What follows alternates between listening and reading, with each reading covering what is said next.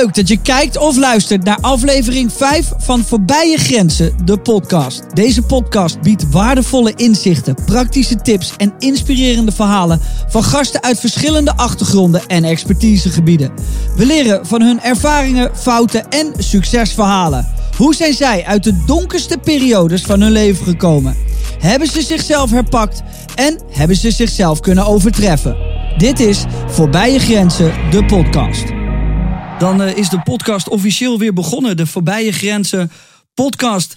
Donny Roelvink, gezellig dat je er weer bent. Jay, dankjewel dat jij er ook bent. En onze gast van vandaag, Reinier de Ridder. Yes, yes. We hebben natuurlijk altijd even een soort van uh, um, dingetje waarin we vertellen wat we gaan doen. En dat is, uh, we gaan het eerst hebben met Renier over zijn donkerste periode. Ga je ook nog even goed introduceren.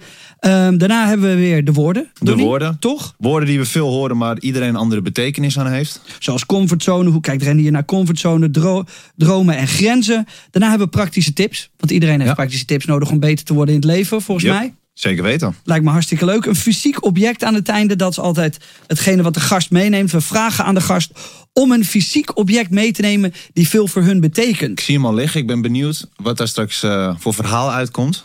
Leuk. Reinier de Ridder. Eh double champ in one championship. Eh, een MMA-organisatie, Mixed Martial Arts. in Azië. Is eigenlijk na UFC voor ons de grootste. Wij kennen natuurlijk UFC, Bellator en dan One Championship. Er zijn mensen die zeggen dat eh, One Championship groter is dan de UFC. Ik weet niet wat daarvan waar is. eh, maar daar ben jij dubbel champ in geweest. Eh, je hebt een lange tijd een status gehad daarbinnen waarin heel veel vechters het niet tegen je op durfden te nemen. Ik volg je al jaren. Als vechter ben jij vooral bekend om het feit dat je op de grond heel goed vecht. Ehm, mensen verwurgt. Even voor de mensen die aan het kijken zijn. Eh, dan maak ik het wat makkelijker. Het is allemaal iets moeilijker. Maar je verwurgt mensen. Je zorgt dat ze eh, zichzelf eh, overgeven. Ehm, en daar ben jij een koning in. Je hebt ook een donkere periode net even gehad. Want je hebt afscheid moeten nemen van, van een belt. Ja, klopt. Dus ehm, afgelopen december heb ik mijn light heavyweight titel verdedigd. Onsuccesvol.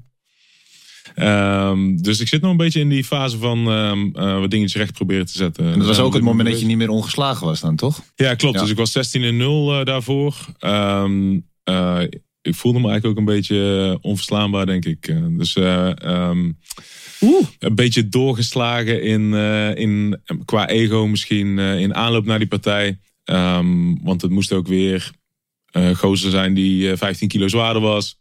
Die tot dan toe iedereen ook uitgeslagen had. Ehm, die heavyweight is dus. Dus eh, twee gewichten hoger dan ik eigenlijk. Dus het was ook een klein beetje ambitieus allemaal. Eh, en dus eh, mislukt voor het eerst. Eh knock-out gegaan in de eerste ronde. Eh, voorheen ben ik eigenlijk in training nog nooit aangeslagen geweest. Ik ben in partijen eigenlijk, die 16 partijen daarvoor, nog nooit echt geraakt. Dus eh, dat is even heftig. Goed, daar willen we zo meteen alles over weten. Meer over weten. Want die ervaring zal jou veranderd hebben. En misschien op een positieve. Het kan ook op een negatieve manier zijn. Mhm. Ehm, maar even voor de mensen die aan het luisteren zijn op Spotify. En voor de mensen die aan het kijken en aan het luisteren zijn op YouTube. Ehm, One Championship. Hoe groot is dit? Ja, het is in Azië gigantisch. Ja. En ehm, het is altijd een vergelijking met eh, UFC natuurlijk. UFC is nog steeds het meest prestigieuze. En ik denk ook de grootste, wordt het meeste geld verdiend eh, door de UFC met name. Maar One eh, timmert aardig aan de weg. En ehm, wordt ook steeds groter. We hebben eerst evenement in Amerika gehad. Ehm dat is eigenlijk een goede concurrent, denk ik, van eh, UFC. Ja, want hoeveel mensen kijken er naar een, eh, een gemiddelde Ja, dat, One Championship, een gemiddeld One Championship affiche? Ja, dat, dat, die, ik weet nooit zo goed wat ik daarvan moet geloven van die cijfers. Ik denk dat daar op, bij elke organisatie mee gespeeld wordt. Maar ehm eh, er zitten in de venues in ieder geval zo 20.000 man altijd. Eh, volle zalen. Eh, er zitten eh, tientallen miljoenen mensen zullen kijken in ieder geval. Ja, dus dat zijn geen geintjes. Het zijn geen grapjes, nee. Het is een serieuze concurrent voor, eh, voor de UFC. Ja, Merk je dat ook als je in Azië over straat loopt? ja zeker. zeker. Ja? Word je daar herkend? Hé, Ja, hey, Renier de Ridder, hoe is Ja. het? Ja? ja, ja. Ja, dat is mooi, want dat krijgen wij natuurlijk helemaal niet mee. Daarom vond ik jou ook zo'n interessante gast. Is omdat Ja. je hebt heel veel meegemaakt. Je bent kampioen geweest, eh, wereldkampioen in One, One Championship. Eh, in Azië kunnen deze gasten niet over straat. Daar zijn echt volkshelden. En een van die volkshelden heb jij verslagen. Ja, Wat mensen absoluut niet fijn vonden. Ik probeer zijn naam niet uit te spreken. Zou jij dat voor mij willen doen, Reinier? ja Aung San Sang. Eh, Ja, dat is, En, Wa- eh, wie is dat? Een gozer uit eh, Myanmar, Burma. Traint in Amerika bij Henry Hoofd in, in Miami. En ehm, ja, die is daar in Burma echt gigantisch. Dat is echt niet normaal. Die is zo populair, zo bekend. Eh, ze hebben een standpunt van hem met twee belts. Dus hij was voor mij kampioen op eh, allebei die gewichten. Op middleweight en op light heavyweight. Ehm, ja, En jij won van hem. En En, dat was een ja. shock voor iedereen. ja. En toen heb ik jouw Instagram even bekeken. En daar kreeg jij een hoop shit van, hoop shit van, eh, van allemaal mensen die uit Burma komen. Ja, hij is echt hun held. Want eh, ehm, er is ook verder qua sport niet zo heel veel daar. Ze hebben niet heel veel atleten die, die ver zijn gekomen. Dus hij is echt een man waar iedereen tegenop kijkt eh, daar zo. Hij is echt een grote man. Ja, en, en iedereen dacht dat jij de- Pak slaag van hem ging pak krijgen. slaag eh, zou Ja. krijgen. En dat was niet. Nee, dat was zeker niet zo. Hoe ging je daarmee om? Ja, ik weet niet. Ik, ik ben nooit zo. ehm, ik ben sowieso niet zo heel erg van dingen lezen op social media en zo. Dus die berichtjes heb ik zelf niet zo heel veel van meegekregen. Ehm, en dat stukje druk heb ik nooit echt ervaren van, van de lui die eromheen zitten. Maar hij was wel al zo lang ongeslagen. eh, sloeg ook iedereen knock-out. ehm, was ook echt de, de grote man binnen One. Ehm, dus sportief was het zeker een uitdaging. Ehm, we hebben heel hard voor gewerkt om eh, tegen hem te mogen knokken. En toen uh, choked ik hem in de eerste ronde gelijk. Ja. Mm. Dat was sick. Ik weet nog dat ik dat eh, heb bekeken. En toen dacht ik, wauw. En toen eh, double champ. Ehm, maar dat is op het moment niet meer zo. En daarmee maak ik meteen even een soort van stapje naar waar we naartoe gaan. Want dat is wat we altijd als eerste in deze podcast vragen. Wat was jouw donkerste periode tot nu toe? En dan ga ik er even vanuit dat dat het verlies was. Het kan natuurlijk ook wat anders zijn. Maar wil je ons daar eens in meenemen? En hoe dat voor jou was? Ja, zeker. Ehm, dus eh, middleweight kampioen geworden. Daarna heb ik nog eh, op light heavyweight tegen Aung gevochten. Opnieuw weer van hem gewonnen. Uh, dus ehm, middleweight is 93 kilo. Uh, light heavyweight is 103 geloof ik. Ik weeg zeg maar 93, 94 normaal gesproken. Um, ik heb mijn titel een aantal keer verdedigd. Allerlei verschillende tegenstanders allemaal verslagen. Um, de middleweights waren een beetje op. De light heavyweights waren een beetje op eigenlijk. Dus uh, ik kreeg het uh, steeds hoger in mijn bol. En, en met dacht, op bedoel je uh, dat ze ook echt niet wouden vechten? Ja, ik, ik had eigenlijk de meeste verslagen die ze Ja. hadden. Het, ja, het was op. Ja, dus het was eigenlijk een beetje op. Um, en dus ik kreeg het steeds hoger in mijn bol. Ik denk, nou, fuck it, dan maar heavyweights. Dus ik uh, na elke partij roepen dat ik tegen een heavyweight, uh, tegen heavyweight uh, kampioen wilde vechten.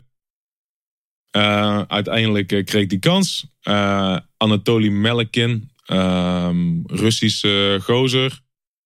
Loopt denk ik rond op 110, 115 kilo. Echt een blokkie. Hij is niet heel lang, maar is wel uh, heel uh, zwaar. Um, een kleine ja. 20 kilo verschil. Ja, precies. Ja. Een stukje zwaarder. Ja. Uh, ja. Iets andere supplementen. Um, heel gevaarlijk. Beweegt heel goed. Goede bokser. Goede worstelaar. Um, en um, daar heb ik tegen gevochten afgelopen december. En ik werd eigenlijk al heel snel in de eerste ronde een keertje slecht geraakt. En daarna uh, was ik niet mezelf meer. als ik er terugkijk ook elke beweging is niet zoals ik normaal gesproken beweeg. Mijn takedowns zijn niet daar waar ze normaal gesproken zijn. Mijn box is niet zoals het normaal gesproken is. Dus um, um, ja, mislukt. Knockout gegaan. Niet heel veel schade gehad. Behalve dat ik niet iets, uh, iets minder knap was uh, de weken daarna. Uh, ja, dat is wat er gebeurt. Knockout gegaan. Ja. Uh, je was nog nooit knock-out gegaan. Nee, eigenlijk nog Wil je nooit... ons eens meenemen in die ervaring? Ja, ik ja heb nog het nooit. wel een paar keer mogen ervaren. Met uh, rugby? Ja, ah, ja meerdere keren. En Melvin die... Uh... En Melvin heeft me knock-out gechoked. Ja, knock-out gaan ja, dus dat is iets bijna, anders. Is, is, is bij mij bijna dagelijkse kost nu. Ja. ja. Nee, maar ik, heb wel, ik ben door rugby een keer of zes en bij Melvin ook. En wel echt zwaar knock-out gegaan. Uh, en dat is gewoon voor mijn gevoel alsof je in slaap valt en weer wakker wordt. Ja. Hoe, wat had jij? Ja, dat denk ik. Ja, dus uh, um, ik herinner me zeg maar flarden van de partij. En vervolgens dat ik uh, wakker word, inderdaad. Ja. Dat ik bijkom en dat, uh, wat is er gebeurd. Oh ja, kut. Ja, maar dan begint het. Want dat is, waar we, dat, dat is waarom ik dit zo interessant Ja. vind. Ik, ik heb je gevolgd. Eh, ik zag ook eh, dat je steeds iedereen eh, vertelde dat je tegen ze wou vechten. En het werd steeds extremer. Ja, Van echt zwaar gewicht. Dat ik dacht, maar Reinier, je, je bent double champ. En je gaat nu vechten tegen gasten die ja, 20, soms misschien 30 kilo zwaarder zijn. ja. Ehm, ik wist niet of dat verstandig was. Maar ik dacht wel bij mezelf, ja, legend. Als je, als je nu drie belt zometeen. Je had eh, me gewoon even kunnen bellen en kunnen zeggen, doe even niet. Nee, misschien nee, had, misschien had dat geholpen, Jay. Nee, nee, want niet. dat is. Nee, nee, want ik, ik dacht ook bij mezelf, als dit je lukt. Want je, Ja. je was zo verschrikkelijk goed helemaal op de grond. Ja, het had ook totaal anders uit Is kunnen ook, pakken. is ook, is ook. En het ik, is makkelijk lullen achteraf natuurlijk. Dat is ook, dat is ook. En het, ehm, ik, dit is ook echt wel een dingetje wat ik altijd wel eh, al geaccepteerd heb in al die partijen. Want het is altijd, de volgende gozer is altijd ehm, die gast die iedereen ook uitslaat. Want je vecht niet meer zomaar tegen iemand. Het is altijd de beste, het is altijd de grootste uitdaging. Dus ergens in mijn achterhoofd eh, wist ik wel dat dit risico er altijd was. En heb ik ook wel bewust geaccepteerd. Het kan een keertje gebeuren en eh, dat is het risico wat ik neem met, eh, met deze sport. Tuurlijk. Ja, maar Ja. de- wat dan vooral interessant is, is dat je ook tegen jezelf zegt nu: van oké, maar ik was misschien iets te overconfident. Ik weet niet waarom ik dat in het Engels zeg, maar oké, eh, ik had iets te veel zelfvertrouwen. Het ging heel erg goed. Mhm. Ehm, maar daarna wordt het ook, want direct daarna wordt het best wel zwart. Want je bent alleen. Dat vind ik altijd interessant aan vechters. Je hebt niet een team waar je achter kan verschuilen. Ja. Ehm, je wordt in elkaar geslagen voor miljoenen kijkers. Je knockout blijft nog 100 jaar op het internet doorgaan en ook eh, op tv laten zien. En dat is bij elke vechter zo, niet alleen bij jou. Mhm. Helemaal als je een double champ bent, dan willen mensen het nog meer zien. Ja. Hoe ga je daar in godsnaam mee om? Want dat is echt een groot zwart gat. Niet alleen voor je ego, maar ook voor iedereen om je heen. Want je bent vader. Eh, je kids krijgen dat op de een of andere manier straks ook mee. Hoe, Mhm. hoe, hoe, hoe gaat het in je hoofd? Ja, dat is, het, eh, dat is het dingetje met MMA natuurlijk. Het is heftiger dan wat dan ook. Ja. Het is zo, eh, het is, alles staat op het spel. En als het misgaat, dan gaat het ook echt mis. Ja. Ehm, dus zeg maar die periode eh, net daarna eh, herinner ik me dat we in het ziekenhuis eh, gezeten hebben. Ehm, en dat, dat was meer een beetje doorkomen, zeg maar. eh, adviezen van de dokters en eh, CT-scans en weet ik dan wat we allemaal. Dan ben je nog helemaal in het proces natuurlijk. Ja, daar zit Ja, je echt ja. nog middenin. Dus dat is echt. Er was niet echt een moment om stil te staan bij wat er nou echt gebeurd was. Vooral ehm, eh, tijd afwachten tot ik naar huis kon. Dat was eigenlijk waar ik het meeste mee bezig was. En vanaf dat moment denk ik ehm, dat ik het beste kan beschrijven als terug naar de basis. Terug naar de meest belangrijke dingetjes. En dat was ook wel een gedachte die heel snel in mezelf opkwam, moet ik zeggen. Eh, zijn de kindjes oké? Is mijn vrouw oké? Ehm, ben ik lichamelijk en ehm, ehm, mentaal nog oké? Dan komt het wel goed. Dan eh, gaan we het wel regelen, gaan we opbouwen om, eh, om dit een keertje recht te gaan zetten. Zo'n legacy of wat dan ook, dat dit, ben je totaal niet mee bezig op dat moment. Nee, nee, want dat is echt allemaal extra. Daar heb ik wel, dat is wel iets wat ik eh, geleerd heb eh, van, van die periode die daarna gekomen is. Eigenlijk, en ik denk ehm, dat je dat zelf nu als, eh, als net vader ook wel merkt. Je leeft niet meer zoveel voor jezelf op een gegeven moment. Je eigen ego-dingetje, je, ehm, eh, je, je werk, je sport, alles wat je voor jezelf doet. Dat is er nog steeds en dat is nog steeds belangrijk. Maar niet meer zo heel belangrijk als van tevoren. Eh, er is wel iets anders waar je voor leeft. Mm. Het lijkt mij dus om daar mentaal mee om te gaan, dat je van double champ gaat naar eh, dat je dan dat stapje te ver maakt, dan moet jij eh, alleen zelf mee leven. Ja, 100%. En ehm, ik denk dat dat een, eh, ook iets is wat, wat, je, ehm, wat je ook moet doen. Eh, dus als het tegen zit, ehm, neem ook de tijd om erbij stil te staan. Ga zitten met je gevoel. Eh, laat het er zijn.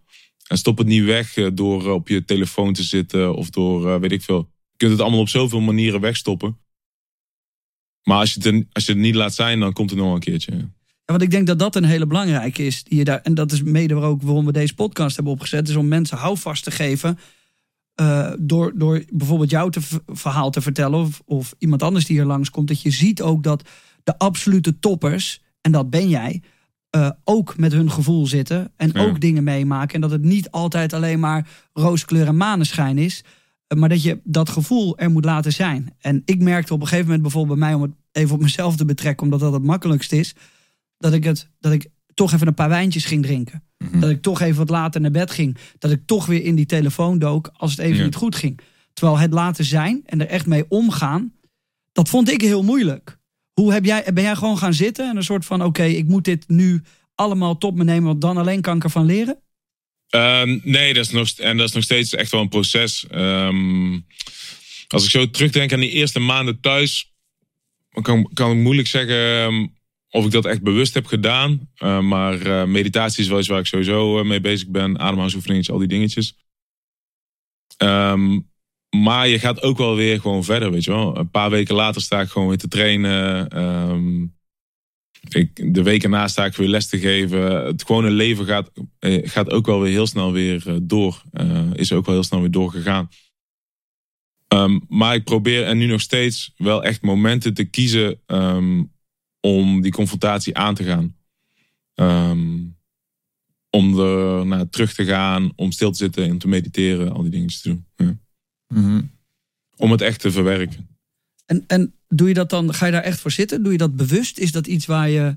Ja, dus in die momenten dat ik mediteer, onder Ja. andere. Ik heb, ehm, ehm, ik denk, ehm, een week of zes, iets wat ik ook al heel lang, eh, een week of zes geleden, iets wat ik al heel lang wilde doen, ook zeg maar in de verwerking van die partij.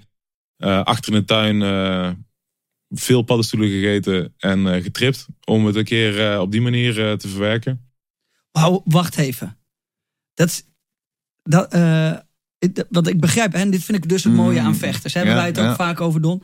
Vechters zijn bereid om te mediteren, eh, op hun slaap te letten, eh, het eten aan te passen, om ayahuasca of dus paddenstoelen te nemen, om dat alles maar ervoor zorgt. Hoe dat- heftig het kan zijn. ja, om het één te verwerken, maar twee om gewoon beter te worden. Ja. Omdat als je vecht, dan is het eh, één op één.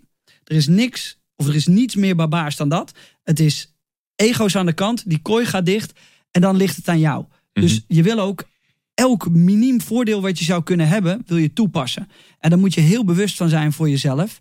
Dus dit is iets wat jij hebt gedaan om juist te zorgen dat je misschien nog weer beter wordt als vechter. Ja, zeker. Om het ook echt eh, te kunnen verwerken. En dus opnieuw naartoe te gaan, opnieuw te beleven. Dat heb ik ook echt bewust gedaan. Ehm, ook echt gehuild om wat er allemaal gebeurd is en zo. Dus was echt wel eh, was echt heel goed. Echt heel mooi. Heftig. Ja. Is dat. Hoe, hoe gaat dat dan? Ga- Wil je daar Ja, ik, des- ja, dat wil ik wel vertellen. ja. Eh, dus ik heb wel eens eerder eh, ehm, iets van eh, truffels gedaan, maar niet op deze manier. En ehm, de vorige podcast die ik heb gedaan met uh, Wickert, eh, eindbaas, heb ik, uh, met hem zitten praten, toen hebben we het over gehad. Zij, eh, toen had hij me gevraagd om een keer, of uitgenodigd om bij hem zoiets te doen. Het is niet echt van gekomen. En toen kwam steeds meer het idee van, misschien doe ik het wel gewoon zelf. Ehm, dus eh, achter in de tuin, eh, op een hangmatje, eh, in mijn eentje, uh, paddenstoelen gegeten gaan liggen. En ehm, ook bewust, zeg maar, meer, ik, had, ik had meerdere dingetjes als intentie waar ik graag aandacht aan wilde besteden, waar ik naartoe wilde gaan. In mijn gedachten, maar ook onder andere dit. Dus, dus de partij om ehm, dat op een betere manier een plekje te geven. Want ik had het idee dat ik dat nog niet helemaal gedaan had. En hoe ging dat even voor de mensen thuis? Wij keuren dit soort dingen natuurlijk absoluut eh, niet goed. Volledig af. Een soort van, ja, maar ja, maar ja dat is wel zo. Um, maar hij gebruikt het als oplossing voor zijn werk en hetgene waar, waar jij naartoe moet. Um, dus het is wel interessant. Kijk, ik heb er ja. zelf niets mee.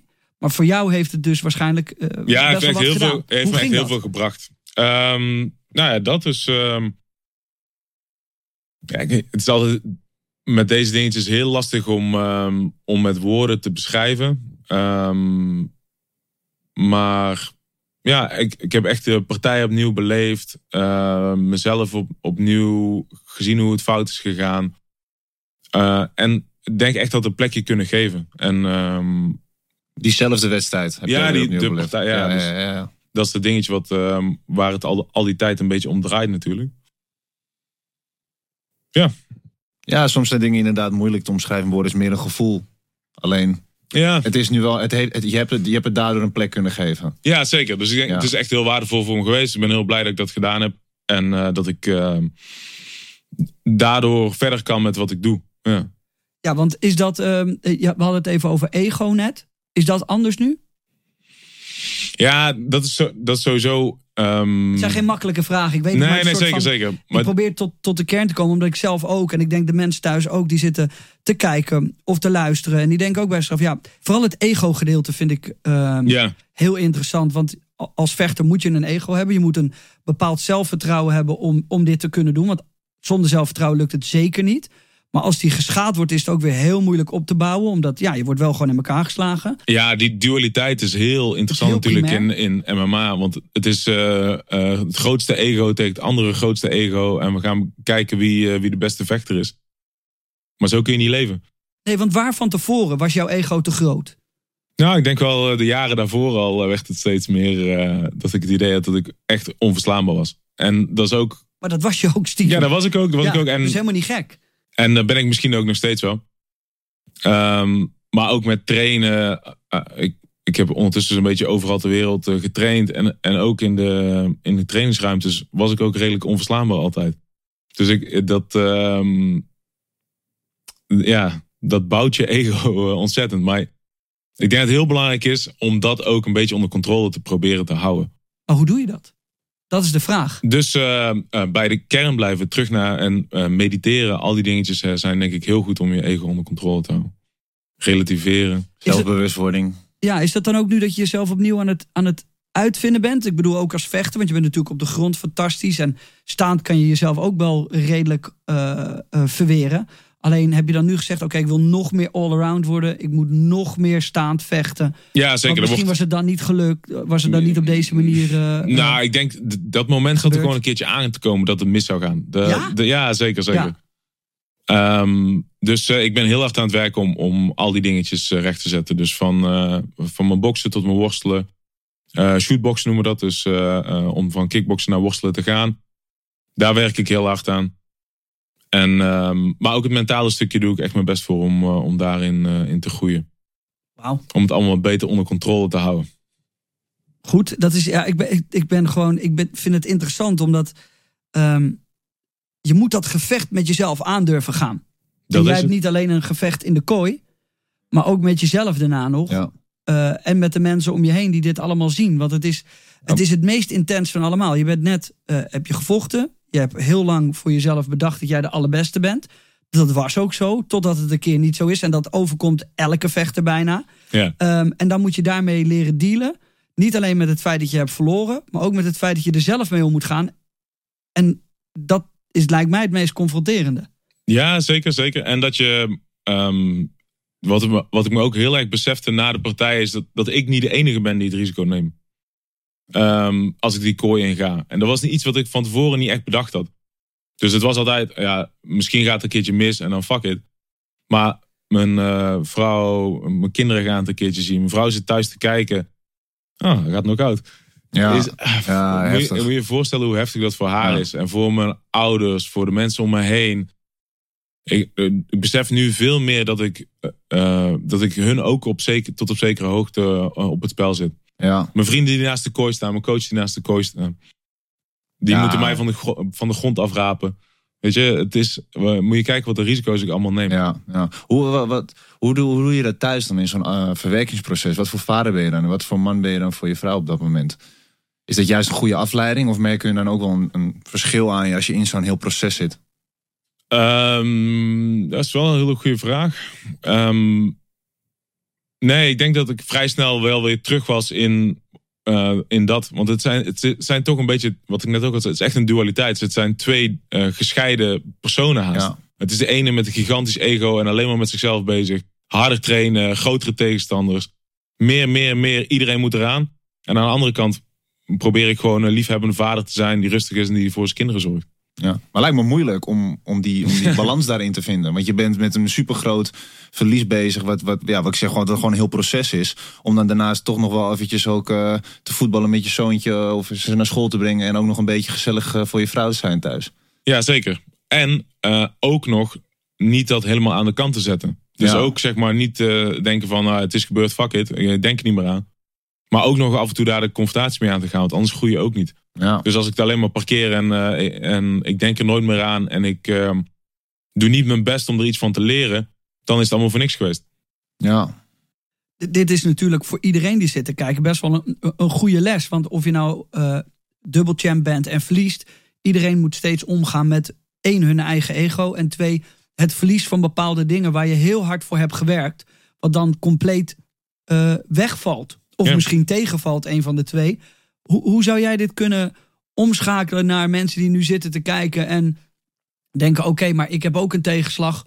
Hoe ga ik hiermee om? Wat, wat, wat, zou je dat, wat zou je die mensen kunnen vertellen? Ik denk het allerbelangrijkste, ehm, wat ik ervan geleerd heb en wat ik sowieso een beetje van eh, wat ik lees over meditatiedingetjes en zo, wat ik, wat, wat, ehm, waar ik veel interesse in heb, waar ik mee bezig ben, is laat het er zijn. Mhm. Dus ehm, probeer het niet. Er, zijn zo, er is zoveel afleiding in de wereld. Het is één grote afleiding. Je kan ehm, van het moment dat je 's ochtends opstaat tot het moment dat je s'avonds naar bed gaat, kun je jezelf afleiden. Met eh, als je wakker wordt, als eerste je telefoon pakken, Instagram aanzetten. Ehm, daarna als je naar, ehm, terwijl je aan het eten bent, zet je tv aan. Als je eh, naar school of naar je werk rijdt, dan zit je een podcast te luisteren. Met JJ en, en. Ehm, eh, je kunt zeg maar eh, je heel je dag doorgaan. Dat is confronterend, Renier. maar dat is, dat is wel een dingetje waar we denk ik met z'n allen eh, bewust van kunnen zijn. En wat je echt heel veel voor je kan doen. Is al die afleiding. Die kan je ook in de weg staan. Maar heb je dan post-its overal hangen met afleiding? Nee, afleiding. Nee, hoe doe je dat? Ja, want het is al. Ik heb al nu al. Denk ik, oh, waar is mijn telefoon? Dus het is er zo ingebakken. Hoe doe je dat dan? Ja, ik denk dat dat een proces is waar je... eh, Jezelf op de al vingers, van, de, van meerdere jaren dat ik daar altijd mee bezig ben. jezelf op de vingers tikken. Ja, zeker. Maar eh, zeg maar, eh, heel simpel dingetjes. Als je wakker wordt, als je wekker op je telefoon zit, dan heb je als eerste je telefoon vast als je wakker wordt. Ja, klopt. En dan voordat je gaat slapen, is het laatste wat je doet nog even op Instagram kijken of je nog een berichtje van, van iemand Ja. hebt gekregen. Eh, dus eh, ik heb bijvoorbeeld gewoon een wekker. Zo'n eh, Ja. eh, een echte wekker. Ja, Mijn ik heb- telefoon ligt beneden. Ik heb zelf zo'n Nokia 3310 eh, weer gekocht. Dat, dat moet ik wel er weer in gaan werken. Want ik ben de laatste tijd ook super druk dan weer met dingen bezig. Dus dan keur ik het zelf weer goed om die iPhone te gaan pakken. Maar ik heb dus die Nokia gekocht met het idee van... oké, als ik bereikbaar ben voor mijn ouders... moet, moet, ik moet, ja, voor noodsituaties moet ik bereikbaar zijn. Maar dan zet ik om acht uur die, die iPhone uit en die Nokia aan. En die ligt dan gewoon in de hoek ergens alleen voor noodzakelijke dingen. Maar dat is ook wel een manier om dan toch wel die twee uur voor slaap... en als ik wakker word vind ik het ook inderdaad heel belangrijk... om dan niet die telefoon aan te raken. Maar het is toch wel moeilijk ook. Is ook moeilijk, Ja. is ook, want het is allemaal veel te verleidelijk. En het is ook veel te confronterend om met jezelf te zijn soms. Maar ik denk dat daar wel heel veel groei zit. Ja. Maar ja, dat zijn manieren dus om het inderdaad... Ja, eh, want, want j- jij bent hier ook heel goed in, Don. Ja. Is toch je steeds weer herpakken. Want dat is wel wat mensen, denk ik, niet altijd weten. En denken is: het is niet zo dat je op een maandag beslist dit te gaan doen. En dat het dan eh, eh, tot volgend jaar eh, 1 januari op de maandag weer Ja. helemaal oké is. ja. Het is een proces van terugvallen en weer oppakken. Het is consistent zijn, toch? Ja, het is, het is gewoon inderdaad dingen uitproberen. Kijk, je moet in, het, het lijkt het is voor een mens nu in 2023 heel moeilijk om elke dag en koud te douchen en niet die telefoon aan te raken en ook niet op je, naar je televisie te veel kijken. Dus ik, ik denk dat je dat gewoon erin kan brengen door kleine dingen toe te voegen. Bijvoorbeeld inderdaad wat hij ook heeft, gewoon weer een, een oldschool wekkertje kopen en ja, dat soort stapjes eh, erin te brengen en eh, ja, steeds het ook te herhalen om het, eh, om het te ervaren wat het verschil kan maken. Ik denk als je het kan Ja. beseffen dat dat al het begin is, zeg maar. Dat je begrijpt waarom dat je de neiging hebt om op je telefoon te kijken. Waarom dat je de neiging hebt om je telefoon of om de computer aan te zetten of weet ik veel wat. Ja, Ja, het zijn die, het zijn die rondjes die je maakt hè, op je telefoon. ja, Ja. Dat, dat je, voordat we naar de volgende gaan hoor. Maar dat zijn die, ja. die, die rondjes die je maakt waar je ineens in zit. Dat je denkt, oh, TikTok naar TikTok. ja. Instagram reel naar Instagram reel. En ineens word je wakker en denk je... Wauw, ik ben gewoon 10 minuten van mijn dag kwijt. Ja. Hoe, wat heb ik net gedaan en wat heb ik serieus tot me genomen waar ik wat aan heb? ja. En ja. dat, is, dat is natuurlijk, als je dat besef een paar keer per dag hebt... dat is denk ik al de eerste stap. Zeker weten. Eh, ik denk dat we anders maar gelijk naar het volgende onderdeel gaan. Ja, past goed. Eh, ja, Renny, het, een onderdeel wat we hier in de podcast hebben is dat we eh, het onderdeel woorden. Woorden die we veel horen, maar waar iedereen een eh, andere betekenis aan heeft. Dus we hebben hier een x aantal woorden, onder andere comfortzone, falen, routines, vallen en opstaan, dromen en grenzen. En dan zijn we heel benieuwd ja, wat onze gast zijn betekenis aan die woorden. En ik denk omdat we nu toch al over routines hebben, dat dat misschien de eerste is waar we mee moeten beginnen. Routines. Hoe zit een routine? Heb jij vaste routines? Nou, je bent dus bezig met ja, zelfbewustwording, meditatie, noem het allemaal maar op. Maar heb jij een, een, een standaard routine? Hoe je, ja, praat ons eens een beetje door je dag heen. Ja, dus ik ben heel erg van de vastigheid. Ja. Dus ik hou heel erg van vaste schema's, vaste dingetjes. Op maandag doe ik dat, op dinsdag doe ik dat. Ik zou elke dag hetzelfde kunnen eten. Dat, eh, ik hou heel erg van, eh, van vastigheid, dus, dus dat, dat doe ik zeker. Eh, ik sta op met een gillend kind naast me om zes uur 's ochtends meestal. Altijd gillen, standaard. Wekker niet nodig dus. Nee, nee. meestal kruipen ze bij ons in bed. Ehm, ehm, ik ontbijt met de kindjes. Ja, het, het is niet, dat, dat is allemaal niet zo heel spannend. Ik heb vaste momenten dat ik train. Ik breng de kindjes naar school. Eh, ik maak tijd voor, eh, voor eh, meditatie, ademhalingsoefeningetjes. Ik doe twee keer in de week of drie keer in de week doe ik een ijsbadje. Mhm. Ik train in principe twee keer op een dag. Ehm, ik ben fysiotherapeut. Ik doe een paar uurtjes in de week doe nog wat, wat echo's maken voor, voor de praktijk. Eh, ik heb een sportschool dus. Mhm. Eh, dus ik geef wat lessen in de week. Eh, vechtsportlessen. Maar je moet het ook wel nodig hebben, denk ik. Niet alleen als vader zijn, maar ook als vechter. Structuur, routines, toch? Omdat, Ja, ja, ja zeker, daar zeker. kom je bijna niet aan. Nee, zeker weten. En dat is ook echt iets wat mij, ehm, zeg maar, heel erg geholpen heeft. Waar, waar de sport heel nuttig voor mij is geweest. Die structuur en die vastigheid.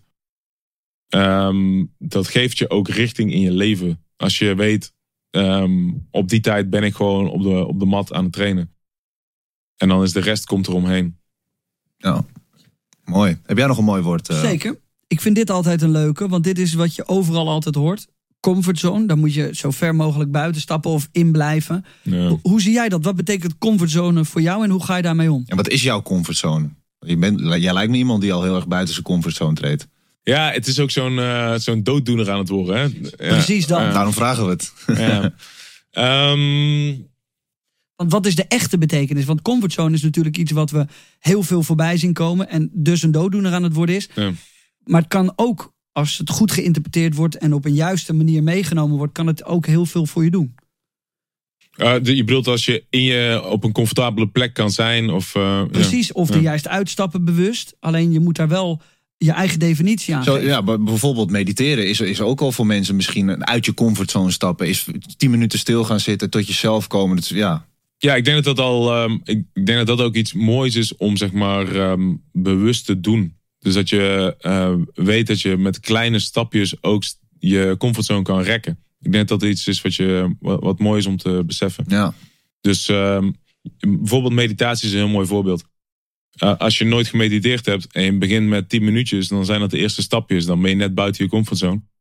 Eh, en als je dat maar vaak genoeg doet, dan wordt je comfortzone groter. Dus dan is die 10 minuten is maar redelijk comfortabel. Ga je naar 15 minuutjes, 20 minuutjes en zo bouw je op. Net zoals met trainen. Dus je kunt je comfortzone ook groter maken. Ja, want, want, want mediteren zat waarschijnlijk eerst niet in je comfortzone en is nu part of the comfortzone. ja. Ja, precies. precies. Dus eh, als je, nou, misschien is dat een mooi dingetje voor mensen om eh, visueel te zien. Hoe groter je comfortzone, hoe beter. Ja. Je kunt werken om je comfortzone groter te maken. Hebben we ook nog een woord dromen? Heb jij nog dromen?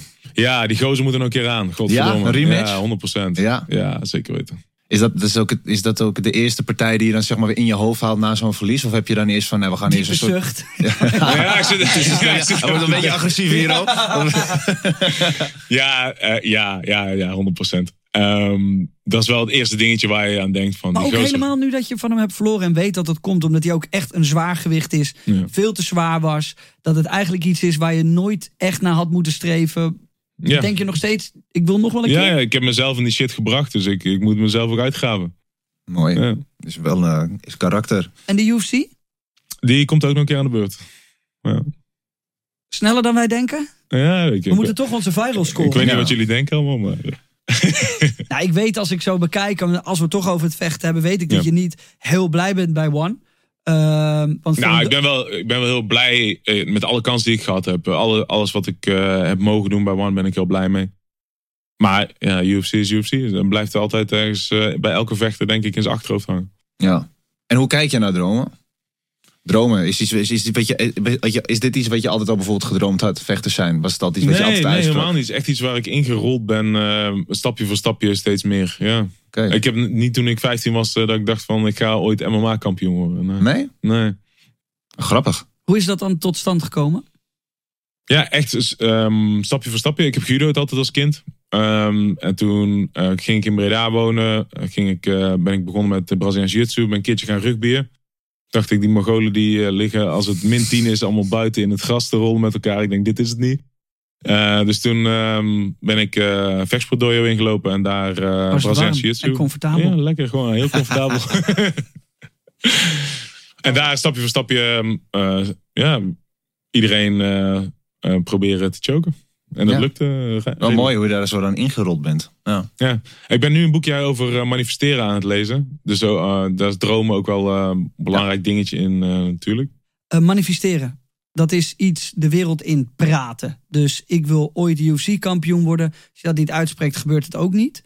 Eh, dat is even een heel simpel voorbeeld. Eh, hoe doe jij dat, dat manifesteren? En, en, en hoe helpt het jou? Ja, dus ik ben eigenlijk nu net een beetje over aan het lezen en ehm, een beetje aan het kijken naar hoe en wat. Ehm, maar niet, niet per se alleen praten, maar ook eh, eh, met name voelen, denk ik. Mm. Ehm, het al beleven voordat het zover is. Visualiseren. Visualiseren. Eh, dat is wel iets waar ik al, al heel lang mee bezig ben met visualiseren, maar nooit zo genoemd heb als, als dit. Is het dan ook omdat je bijvoorbeeld kijkt naar een Adesanya, die dat ook. eh, Ik weet niet of hij er veel mee bezig is. hij, nou, hij zegt altijd dat hij het allemaal aan het manifesteren is. En dat het allemaal dit, dit zo is omdat het zo hoort. Omdat hij het heeft bedacht en heeft gezien. En, Oh, dat wist ik niet. ja, dus hij is daar heel erg mee bezig. Oké, nee, dat is niet, eh, niet van hem. Nee, nee is, eh, via via boekje van eh wat moet je eens lezen. En dan uiteindelijk heb je er wat aan. Ja, zeker. En, maar ik doe al wel heel lang eh, die visualisaties en zo. Hoe gaat dat? Eh, ook om je nou, specifiek voor te bereiden eh, op de partij. Ehm, met het idee van als je het al een paar keer beleefd hebt in je geest, dan is het minder spannend als het zover is. Ja. Dus als je het al een keertje gezien hebt, je hebt het allemaal een keer gedaan en gevoeld. eh, dus niet alleen maar met je hoofd, maar ook met je lichaam gevoeld.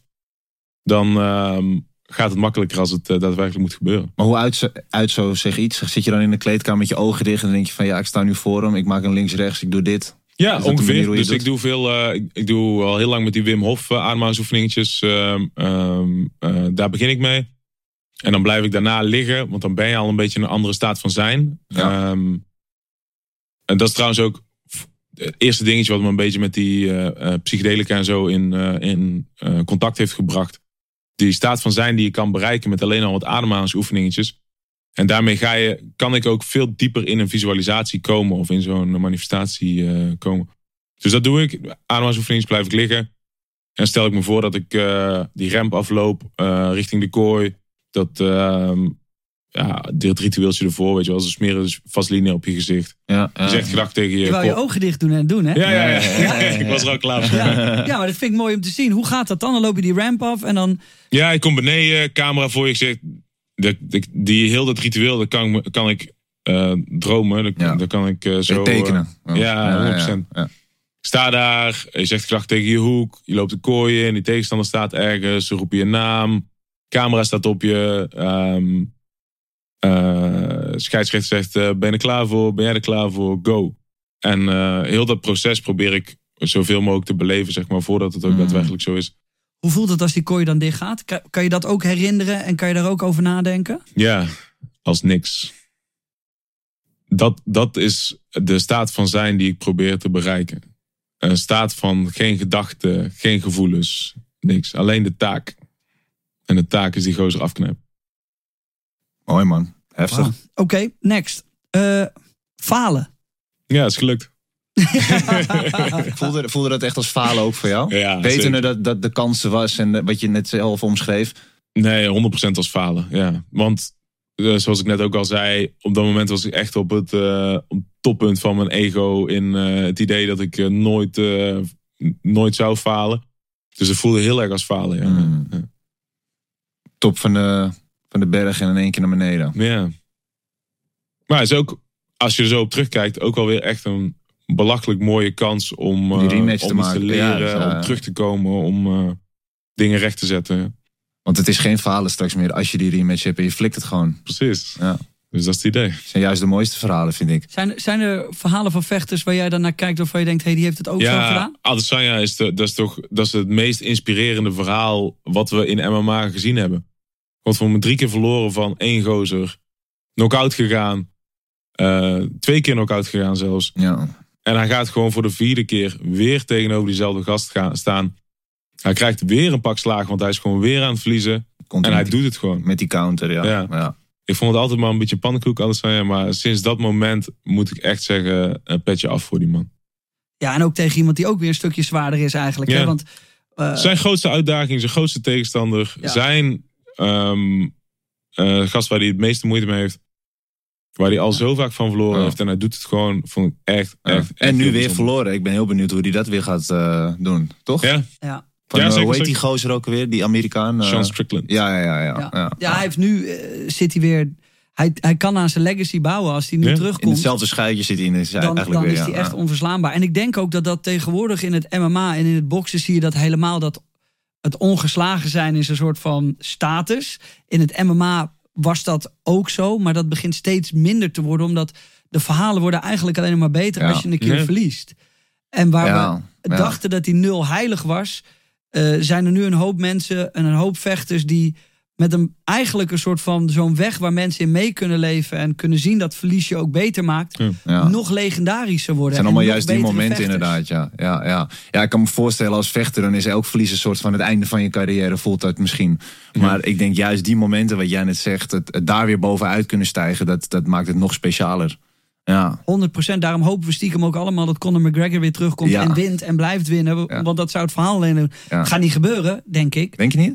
Ik denk dat de sport zoveel geëvalueerd is dat het heel moeilijk wordt voor Conor om nog terug te komen. Ook zo'n blessure inderdaad. Ja, en als jij 100 miljoen op de bank hebt staan of meer, dan wordt het ook de motivatie. Als je alles al hebt bereikt, double champ bent geweest, Ja. dan wordt het heel moeilijk om, eh, om daar toch weer een soort van in te stappen. En met, met dat gevoel van dat je niets had, weer iets te gaan maken. Maar Als dat geld de motivatie ik. is hoor. Ja. Als geld de motivatie is, dan wordt het heel lastig. Ja. maar jij komt ook niet voor twee tientjes vechten. Toch? Nou, als het voor twee tientjes zou zijn, kom ik ook vechten. Mooi. Dat is het antwoord waar ik naar Echt, op zoek een echte vechter dus. Ja. Ja. Welke, welke, hebben, welke hebben we nog Eh, niet volgens gehad? mij hebben we alleen grenzen eh, nog niet gehad. Grenzen. Grenzen, nou ja, de, de podcast heet Voorbij Grenzen. Hoe vaak ga jij voorbij je grenzen? Ehm, nou, ik Zoek denk, je je grenzen vaak op? Of eh, ja, dit is ook wel natuurlijk een heel ook zo'n doodgooien? ook zo'n Ja, ja, ja, ja. En daarom vragen we. Ja, ja, ik snap, dat snap Ja. ik. Maar ook een. Ja, er zit natuurlijk heel veel achter van waarom zoek je ook zo vaak je grenzen op? Waarom ben je zo? Waarom ben ik die gozer die twee keer op een dag zichzelf helemaal de teringen moet trainen? Ja. De- waarom heb ik dat nodig, weet je wel? Waarom moet je als je één belt hebt, nog een belt? Precies. En waarom wil je ook een derde? maar- En ja, precies. Waarom moet het allemaal maar voorbij die grens en zo? Ja, Ja. ja ik, ik Maar toch een- doe je het. Ja, het is toch wel cool allemaal. Ja, is dat ook, is toch een beetje ook de essentie van het leven, denk ik. Toch, toch altijd maar. Ja, ik weet het niet. Want, want het is ook juist wel heel mooi als je. Ik zie hier een struggle. Ja, ja zeker. Dit is ook zo'n dualiteit. Ehm, het is ook wel heel mooi als je content kan zijn. Dus precies wat je net eh, voor de podcast zei. Als je eh, content kan zijn met wat je hebt, is, ook wel, is er ook wel echt iets voor te zeggen.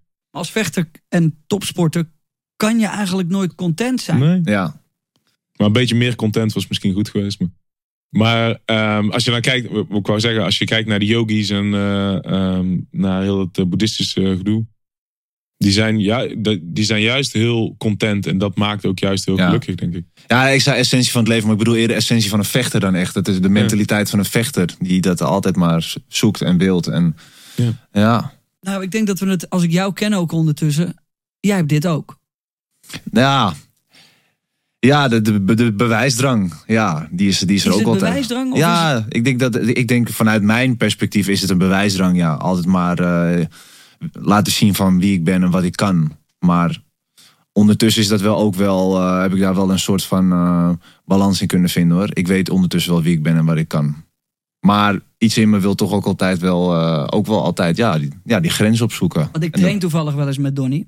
En ik heb met een hoop mensen getraind in mijn leven. Eh, maar ik kan je vertellen dat Donny iemand is die altijd over die grens heen gaat. Ook als we aan het trainen zijn. Ik denk ook dat we elkaar een beetje voeden af en toe. Dat is heel goed. Kan ook af en toe wel dat je denkt bij jezelf... nou, Ja, ik lig nu vier dagen in bed bij te komen van een training. Ja. Die drie uur lang heeft geduurd. Eh, wat wel gek is af en toe. Maar dat, het heeft jou ook heel veel geholpen in wat je nu aan het Zeker. doen bent allemaal. Zeker, het, het, het, het maakt mij uiteindelijk wie ik ben en wat ik doe. Maar ik denk ook gewoon dat het iets eh, in de sport is. Weet je wel, kijk, hij heeft het met vechten en wij hebben dat met. Jij hebt het met rugby gehad en ik heb dat met trainen. Ik denk dat het, ja, voor. Maar eh, ik weet niet zo heel veel van, van jouw leven. Maar ik weet van, dat jullie allebei, wat, met name crossfitten toch? Ja. Eh, ongeveer. Ja, dit, dit is ook wel heel grappig, heel interessant om over na te denken. Want dat we dat nodig hebben, alle drie fucking hard trainen en helemaal door de helft gaan. Ehm, ho- hoe ver zit dat af van iemand die het altijd nodig heeft om eh, drugs te gebruiken? Mm. Of, eh, Het wie- is een verslaving, zeker. Precies. Ja. Wie heeft, wie, hoe, wat is het verschil tussen dat ik twee keer op een dag helemaal naar de kloten moet gaan met trainen? En iemand anders die eh, twee keer op een dag moet blowen om een beetje normaal te kunnen functioneren. Ja. Ja, dat is hetgene waar ik me dus ook wel eens druk om maak. Ja, Is dat ik eh, daar niet de. ehm, dat ik niet genoeg kan vinden in het feit dat ik gewoon ook kan zijn. ja precies. En dat maakt het wel eens verwarrend. Want is het eigenlijk heel goed dat wij onszelf vijf, keer- vijf keer per week helemaal naar de ratten trainen? Eigenlijk ook niet echt. En het is een verslaving, want het zelfbeeld is ook anders als je dat doet. Dus ik begrijp het wel, maar het is wel iets waar, waar ik wel meer vrede heb dan crack gebruiken. Uiteindelijk wel. ik Uiteindelijk heb wel, iets ja. meer vrede met, eh, met hard trainen dan crack gebruiken. Nee, maar ik begrijp heel goed wat je bedoelt. Ja. Ja, ja, ja. Alleen, ik weet niet hoe ik daarmee om moet gaan. Ik ken ook niet anders. Nee, nee, ik ook niet. Ik ook niet. En dat is, dat is wel een, een hele goeie. Heb jij, daar, heb jij daar ook met je thuissituatie en alles, heb je het daar dan over? Want ik denk ook dat mijn vriendin wel eens denkt, en die van jou ook, Donnie, Ja, moet het nu allemaal? Zeker weten, Ja. Moet het zoveel? Ja, zeker. Wat zeg je dan thuis dan? Eh, ja, dat moet. Ja, het moet. Ik heb een mooi excuus, Ja. want eh, dit is mijn loopbaan. Dus dit, is is mijn mijn carrière. Ja. Ja, ja, ja die, die kop ik ook af en toe als erin. Ja, het moet, want eh, het is wie ik ben, wat ik doe en eh, wat ik adem, wat ik... Ja, het, Ja. het is wie ik ben. Ja, ik weet niet. Ja, wij hebben er dan misschien een positieve draai aan gegeven door het eh, eh, dat dingetje trainen te eh, mag zijn. Maar ehm had ook zomaar een negatieve draai kunnen zijn hoor. Ja. Toch hadden we net zo goed. eh, heb je wel eens ervaren een negatieve draai? Nee, want trainen is er altijd geweest voor mij. Ja. Ja. Altijd. Vanaf mijn vijfde. Ik heb altijd op de mat gestaan. Ik heb altijd alles gegeven. Is het ook je houvast? Ja, dat denk ik wel. Ja. Want wat als het er straks niet meer is? Ja, dus, dat is een hele goede vraag. Dat zegt mijn vrouw ook heel vaak. Van, eh, en als je nou eh, niet kan trainen? Eh, dat weet ik niet. Hopelijk eh, voorlopig nog even trainen. En jij zit natuurlijk helemaal in de dualiteit. Want ehm, bij jou is het, het trainen en je broer eh, heeft daar af en toe wat meer moeite mee Ja. aan de andere kant. En jouw vader Ja. is ook weer heel erg van het trainen. Die zit er middenin. Ja, die zit er middenin. En die is echt in het midden. Ja, Want die kan ook van zijn wijntje genieten. ja zeker. Dat is ook En- een echt, eigenlijk is mijn vader het perfecte voorbeeld van het echt zijn. Want die kan en inderdaad elke dag trainen. En die is eh, 64 en die doet nog eh, elke dag. Maar die zit aan het einde van de dag gewoon lekker in zijn vaste restaurant eh, met zijn vierde wijnglas in zijn hand. En eh, da- da- dan is hij ook helemaal in zijn, in zijn ding, zeg maar. Dus eh, ja, ik hoop heel erg daar een keer ook de balans in te kunnen vinden. Ik moet niet zeggen dat ik nu ook vier keer per week wijn moet drinken. Maar meer een soort van het oké ermee zijn, weet je wel. Van ja, trainen oké, maar tot een zekere hoogte is het voor mij goed. Ik denk ook dat het misschien met leeftijd is. Dat hij het nog natuurlijk een beetje voor de bij doet. Ja. En wij nu alles nog uit willen halen. en jouw vlak. broer heeft echt het uiterste gevonden. Ook in, in, in, Ja, in drank en, en een stukje drugs. En, en, en zichzelf proberen daaruit te laten. ja, En jouw vader zit in het midden en jij zit nu hier. Ja. Heb je dan het gevoel dat je toch ook wel... Ja, Maar wat is dan de reden? Wat zit erachter? Wat is de reden dat je dat zoekt? Wat is de reden Ja. dat wij zoeken om te trainen? Ja. En wat zijn dat iemand En anders? dat, en dat is voor hem iets en voor ons iets. En eh, alleen wij weten dat. Of voelen dat. En ja, Ja, het is niet, want ik kan de, de reden kan ik namelijk, en dat is waar ik, ik probeer nu in dit gesprek een soort van hele snelle reden te verzinnen waarom ik het doe, maar het is gewoon een gevoel. ja, Een soort urge die ik niet kan, ik kan niet een maand niets doen. Nee. Want dan voel ik me nutteloos. En is dat goed of is dat slecht? Dan kom ik gewoon, Ja, dat, dat is misschien gewoon. En niet goed of slecht. Maar ehm, hier zijn wel echt heel veel. eh, hier is heel veel over geschreven. Het is wel echt iets, een, een onderwerp ehm, waar veel kennis over is. Ik heb er een paar boeken over gelezen. Ook over eh gozer die heet Gabor Mate. En eh zijn man, ja, dit, misschien is het een veel te lang verhaal Nee, voor deze podcast. Maar ehm, man die ehm, eh, in Budapest eh, geboren is tijdens de Tweede Wereldoorlog.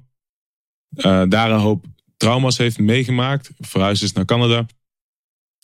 Hij is nu in de 70 of in de 80. En hij beschrijft onder andere, hij is psycholoog geworden en arts geworden.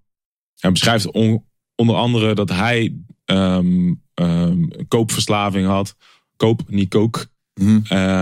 Werkverslaafd was. Eh, allemaal vanwege die trauma's die hij heeft gehad als kind. En het idee is dat alle, ehm, alle verslavingen, zeg maar, eh, een trauma als basis hebben. Dus eh, alle crackjunkies zijn niet crackjunkies omdat ze crack zo lekker vinden. waarop ze niet in het moment eh, kunnen zijn. Nee.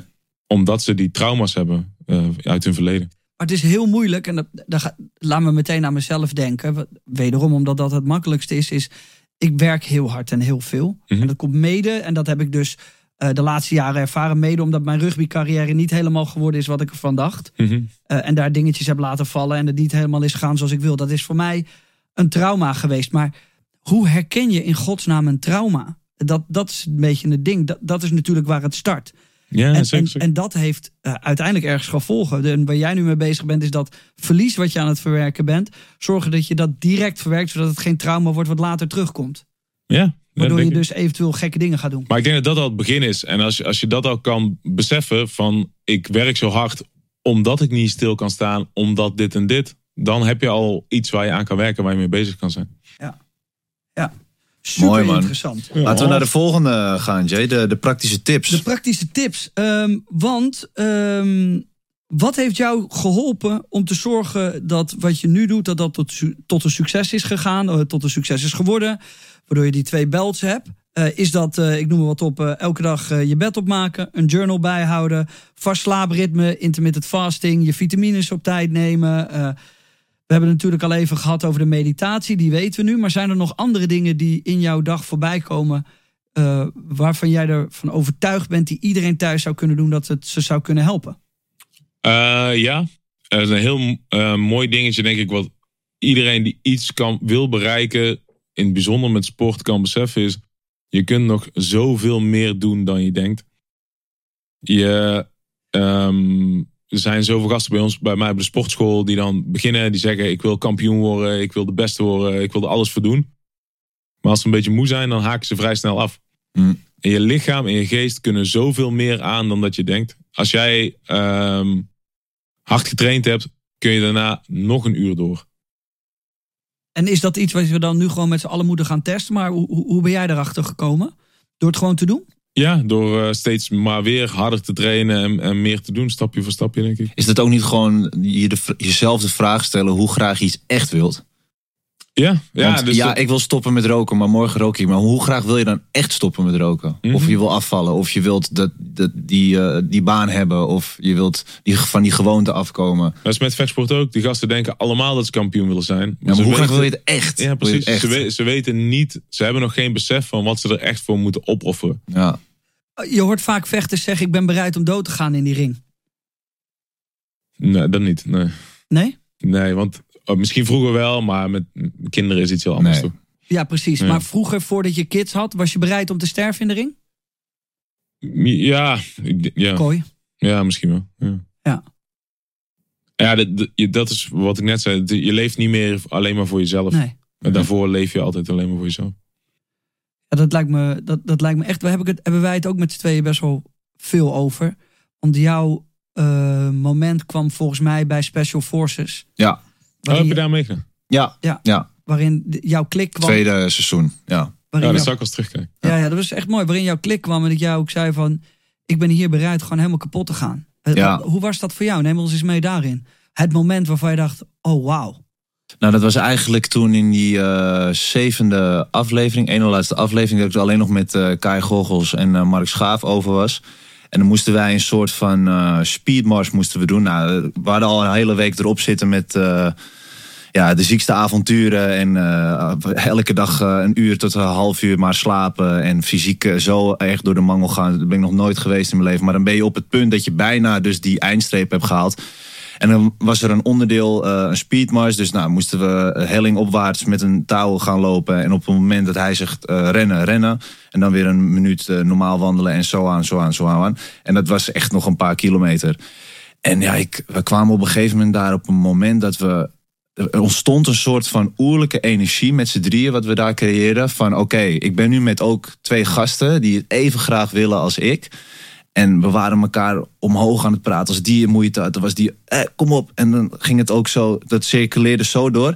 Ja, daar, daar, wat, je had het net over dat je dingen niet soms kan omschrijven in woorden. Dat was toen een soort van energiebom wat daar ontstond. Dat ik dacht van ja, nu gaan we echt al, al in. En eh, ja, je moet het gewoon maar eens een keer kijken. Ik denk, eh, ik heb zoveel berichten gehad van mensen die zeiden van wow, die energie, dat, dat kwam echt recht door het scherm heen. Hoe dat bij mij ook naar binnen kwam. En we waren toen klaar en eh, allemaal ontstond er emoties, tranen en schreeuwen. En dat was, dat was zo'n onbeschrijfelijk eh, mooi gevoel. Het was, het was eh, ja, dat vergeet ik gewoon nooit meer. En dat was ook echt een moment in mijn leven dat ik dacht van wauw, ik, dit, niks kan mij meer kapot maken. Wat ik Vaak nu met gaat, die... vaak gaat dit diepgaan gepaard met heel veel emotie. Ja, Een stukje het kan huilen zijn. Ja, Het kan ook schreeuwen. een stukje agressie Ja, zijn. ja. Eh, en vaak een combi daarvan.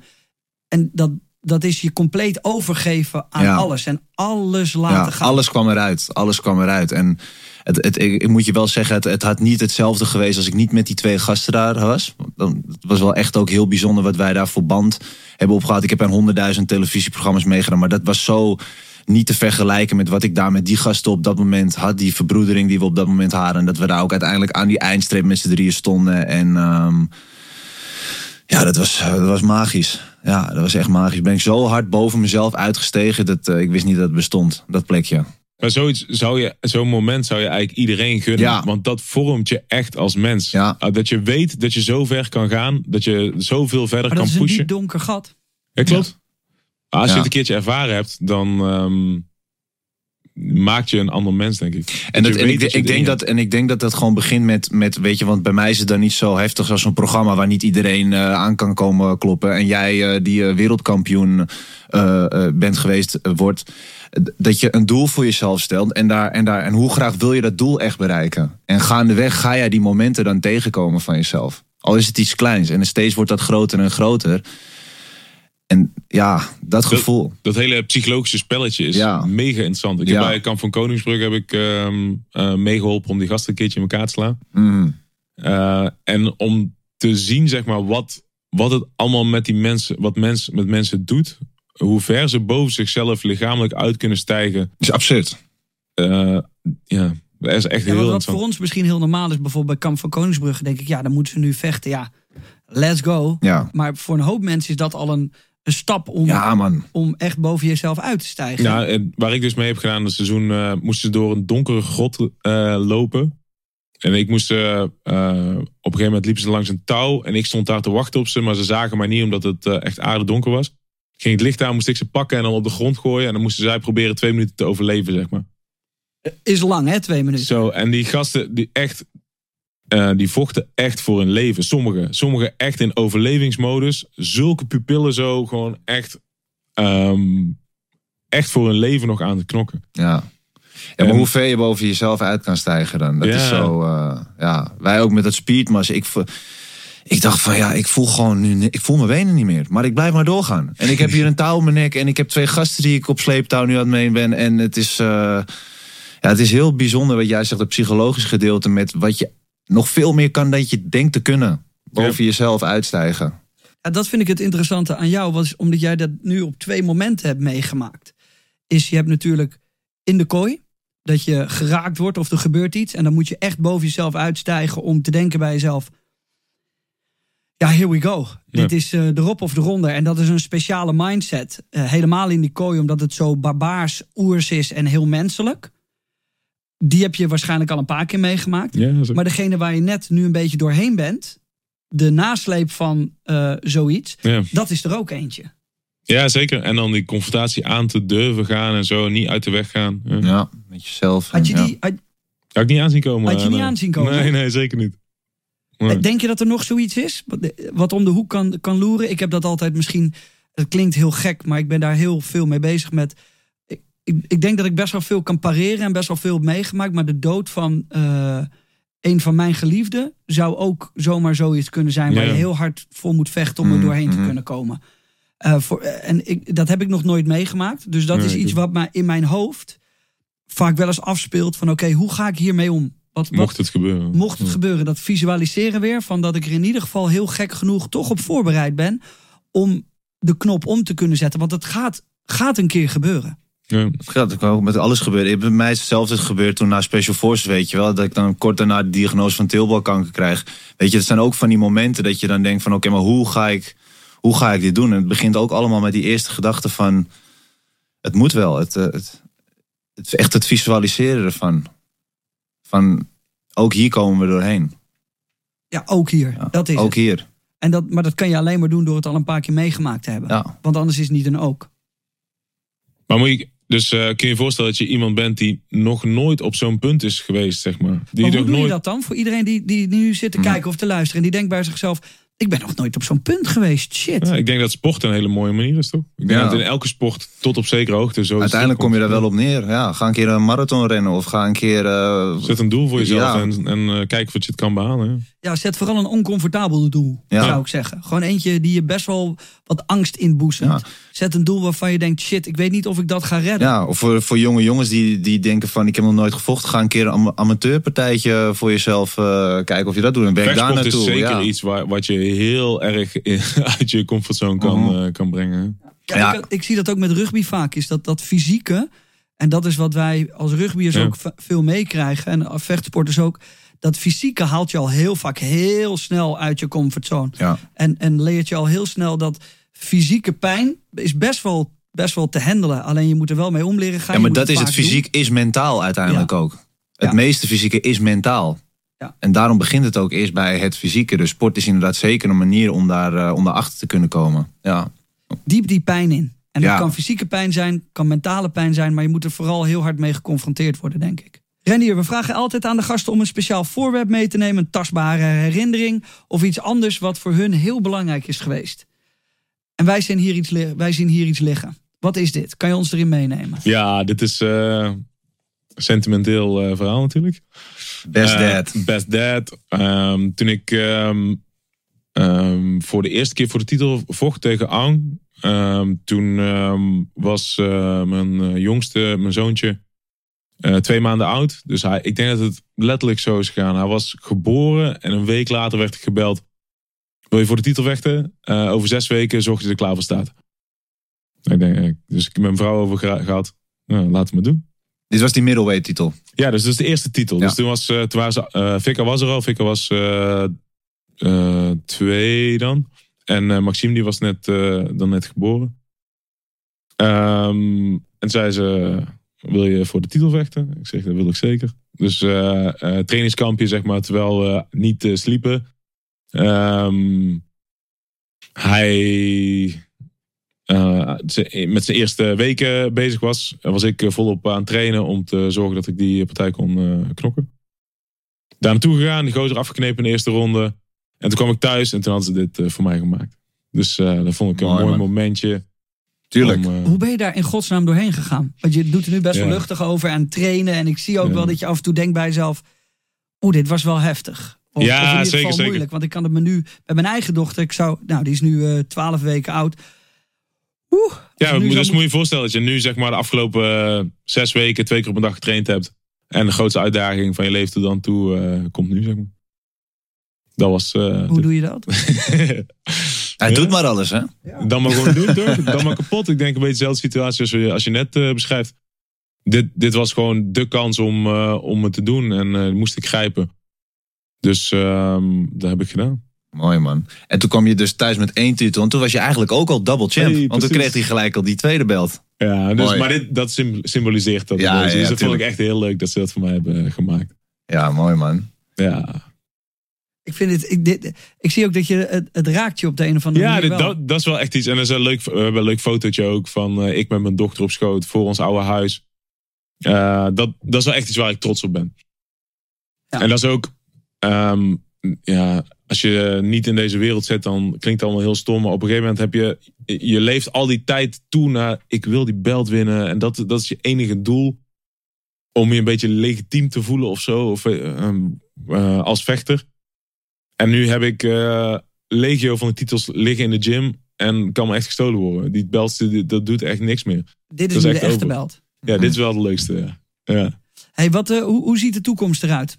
Wat, eh, wat ga je nu nog doen? Bu- buiten het feit dat je natuurlijk nog meer belts gaat, gaat proberen te winnen. Is de UFC een oprechte optie? Ja, ja, zeker. Ja. Maar het is, het is eh, een, ehm, een dingetje met eh, contracten en zo natuurlijk. Ja. Dus dat is, Ja. ehm, maar dat, dat, ja, Daar wordt naar gekeken. daar eh, wordt aan gewerkt. Heb je nog echt één tip waarvan jij zegt, of iets wat je wil meegeven aan de mensen? Waar je denkt, hé hey jongens, als je, als je dit doet, dat heeft mij verschrikkelijk veel geholpen. Iets wat we nog niet besproken hebben. Ja, we hebben, ik denk dat we alles wel eens een beetje uitgevonden hebben. Mag ook een Eh, hele cliché zijn. Het wiel hebben we wel uitgevonden. Nou, ik denk, mooi dingetje om terug te halen is... eh, sta af en toe stil. Mhm. Ja. Eventjes uitzoomen. Ja, laat je een keertje niet afleiden en ben eens in het moment. Waar je op dat moment staat wat je hebt. Ja. Goed, duidelijk. Donnie, mag ik jou Heel weer mooi. bedanken. Ik mag jou bedanken. En we mogen Ranier natuurlijk Dankjewel bedanken. Ja, het was heel gezellig en, en leerzaam. En voor iedereen die, eh, die aan het luisteren is en aan het kijken is, hebben we nog altijd één ding, Don. Wat gaan we aan Reinier vragen? Ja, we gaan jou om een, eh, een woord vragen. Dat is, mag het eerste woord zijn wat in je opkomt. Eh, dan kunnen de mensen die de hele podcast hebben geluisterd... dat woord naar ons DM'en. En dat vinden we leuk, zodat we weten dat iedereen echt de hele podcast heeft afgeluisterd. Dus het eerste woord wat in je opkomt, of een mooi woord... of eh, ja, van alles. Mag van alles zijn. Kampioen. Kampioen, kijk, Kampioen. dat vind ik een hele dus mooie. als kampioen straks bij jou in de DM eh, staat, dan weet je dat ze geluisterd hebben. Ja. En bij ons ook, dan proberen we altijd te reageren. En voor iedereen die eh, heeft geluisterd of heeft gekeken, dank jullie wel daarvoor. Laat even weten in de comments wat jullie van deze aflevering vonden. Heb jij nog nieuwe gasten of op- of aanmerkingen van iets wat je wilt toevoegen bijvoorbeeld aan deze show? Het kan allemaal, laat het even weten in de comments bij YouTube. Ehm, dit was hem. Dankjewel Donnie. Tot de volgende, Jay. Ciao.